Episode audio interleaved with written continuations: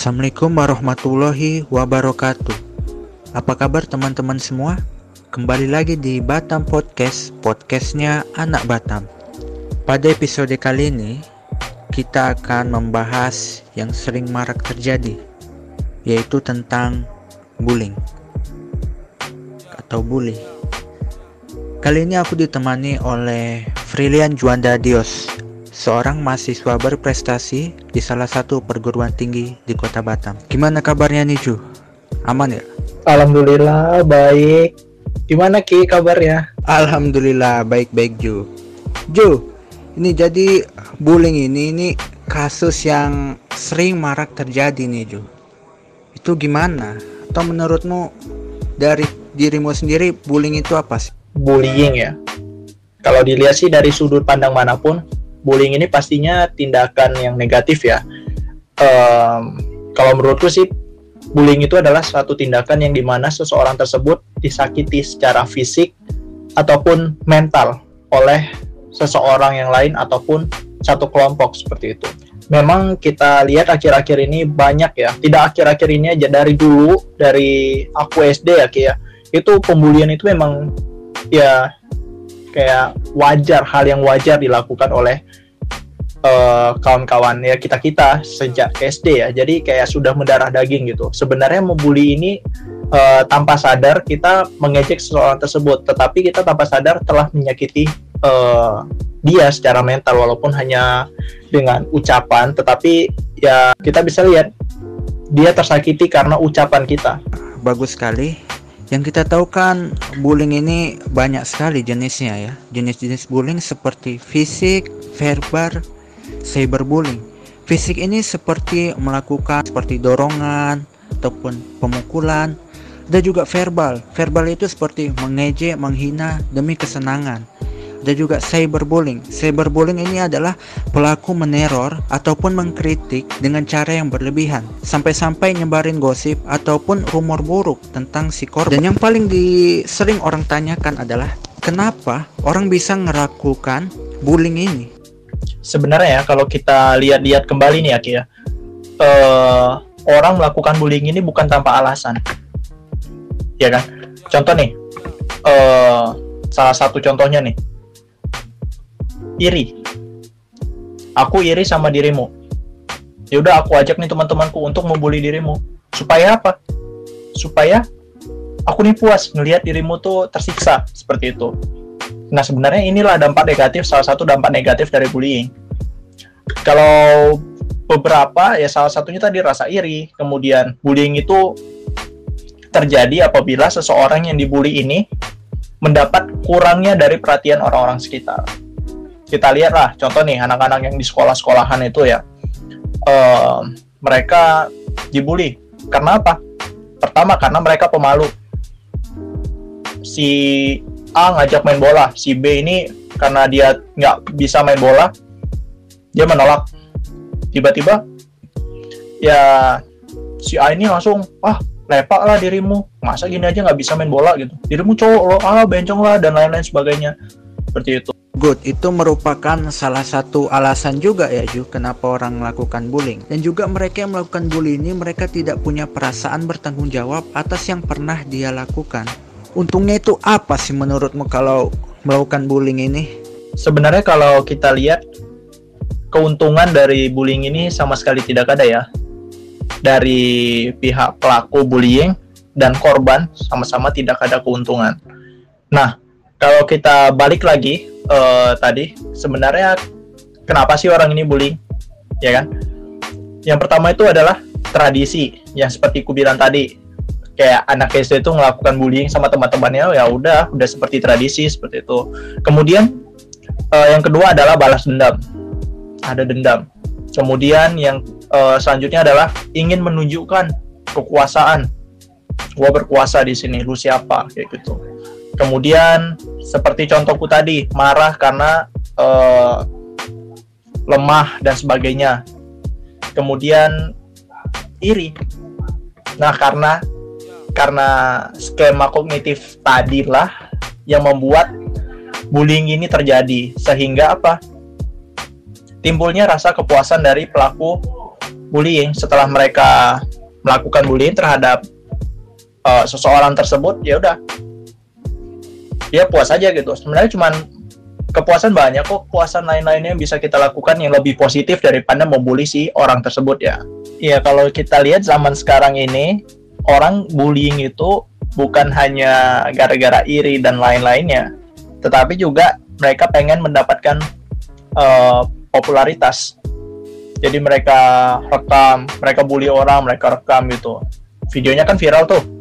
Nah mereka juga mendapatkan untungan dari situ. Nah itu contohnya apa? Contohnya tuh video yang baru-baru itu yang sekelompok orang melakukan bullying terhadap penjual jalan kote. Itu contohnya. Dan kita juga harus menyadarkan mereka ya kan? Kalau popularitas yang negatif itu nggak baik itu cuman sebentar aja. Kita masih bisa mendapatkan popularitas yang positif dengan tidak cara membuli. Banyak kok kalau misalnya uh, mencari popularitas yang positif ya. Contohnya kita bisa buat konten di YouTube yang konten-konten edukasi. Kan kurang tuh konten edukasi yang ada di YouTube tuh.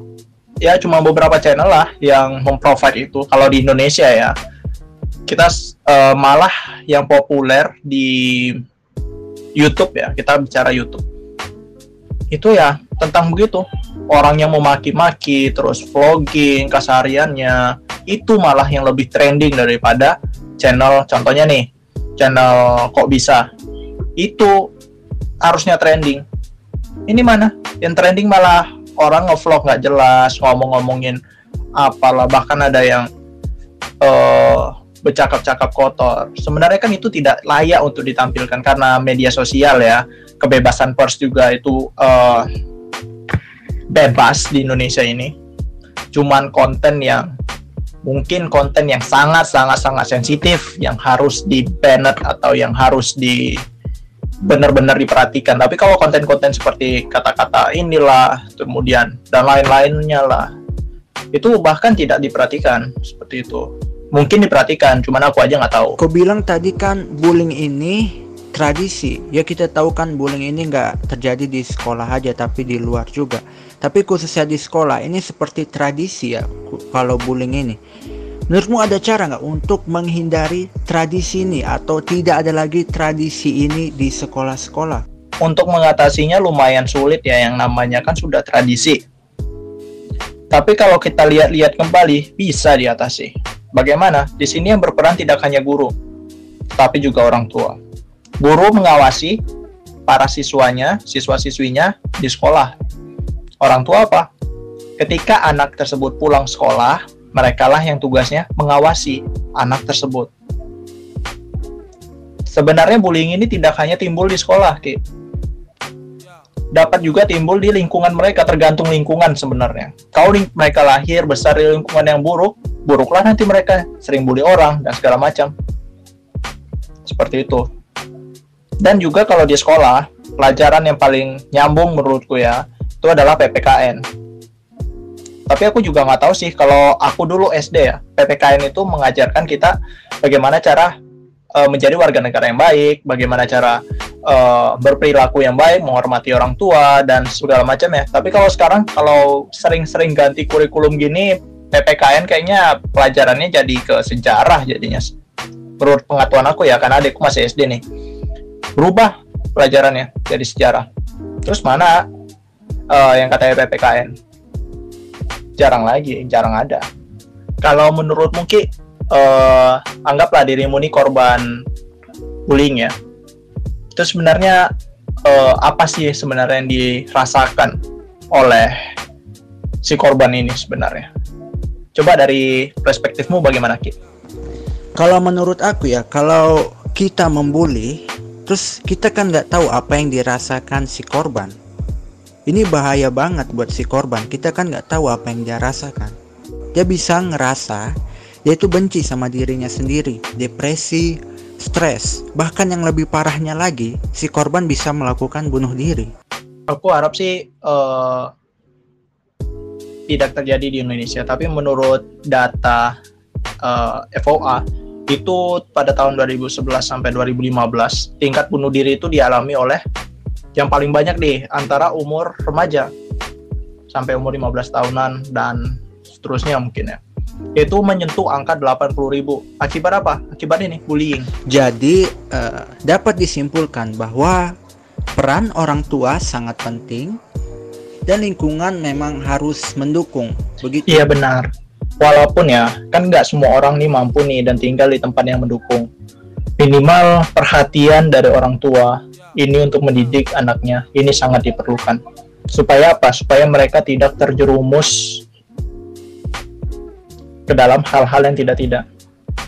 Mendingan kita masih bersyukur nih anak tersebut masih bully orang daripada anak tersebut jatuh ke dalam ya jadi penjahat, pencuri, terus narkoba dan lain sebagainya. Sebenarnya bullying ini ada dampak positif ya juga bagi si korban, bukan bagi si pelaku. Coba menurutmu apa Ki? Keuntungan dari bullying ini? Ya menurut aku ya Ju, eh, manfaat bully, aku tahu dari buku nih karena aku barusan baca buku yaitu dampak positifnya kalau korban bullying itu cenderung akan lebih kuat dan tegar dalam menghadapi suatu masalah. Mereka harus punya motivasi atau potensi mereka agar tidak lagi direndahkan, terdorong untuk berintrospeksi diri. Jadi yang dulunya sering dibully itu mereka jadi punya motivasi. Wah, aku dulu sering dibully nih. Kemudian mereka punya motivasi untuk lebih maju ke depan seperti mereka rajin belajar, dan ya orang rata-rata yang dibully itu mereka rata-rata lebih sukses menurut aku Benar sekali benar. Kau usah jauh-jauh lah. Kita lihat aja orang yang sering dibully. Banyak orang-orang hebat yang dulunya dibully. Contoh nih, pendiri Aqua. Dulu beliau itu diejek karena apa? Dia jual air. Dibully dia gara-gara apa? Dia jual air. Yang tadinya air gratis dia jual. Dibully tuh sama teman-temannya. Sekarang lihat, siapa yang nggak kenal Aqua? Bahkan orang beli Sanford bilangnya beli Aqua. Atau kita lihatlah pendiri eh, Silver Queen, produk kerja keras. Yang dulunya apa? Dulunya dia dibully, produknya nggak diterima di mana-mana. Apa ini produk sampah kata orang? Masa coklatnya bisa cair kena ini doang? Masa ini meleleh? Sekarang lihat gimana Silver Queen? Siapa yang nggak kenal sama Silver Queen? benar sekali itu karena bullying inilah kita harus belajar jadi belajar gitu kan jadi kuat dampak positif untuk korban bullying tapi untuk pelaku nggak ada manfaatnya. Cuman mengatakan orang mengata-ngatakan orang membuat orang rugi untungnya buat apa sama dia? Nggak ada sama sekali. Wah Juanda ini orang yang sangat berpengetahuan dan berwawasan serta berpengalaman sekali. Enggak juga. Ya, karena dulunya kan aku korban bullying ya, jadi aku banyak tahu dari ya dampak negatif sama positifnya apa yang harus dilakukan. Jadi banyak tahu karena apa? Gua dulu korban. dan dan ini bukti nyata ya kan Ju kalau korban bullying itu dampaknya bisa jauh jauh besar itu bisa merubah dirinya ya menjadi lebih baik lagi bahkan orang yang membulinya bisa tertinggal jauh dengan orang yang dibully dan ini dampaknya iya, iya benar sekali Ki. Tapi nggak tahu juga ya, aku belum ada riset tentang itu. Apakah memang benar? Tapi ya kalau kita lihat dari kisah yang kuceritakan tadi yang tentang Aqua sama Silver Queen, ya itu nyata kan.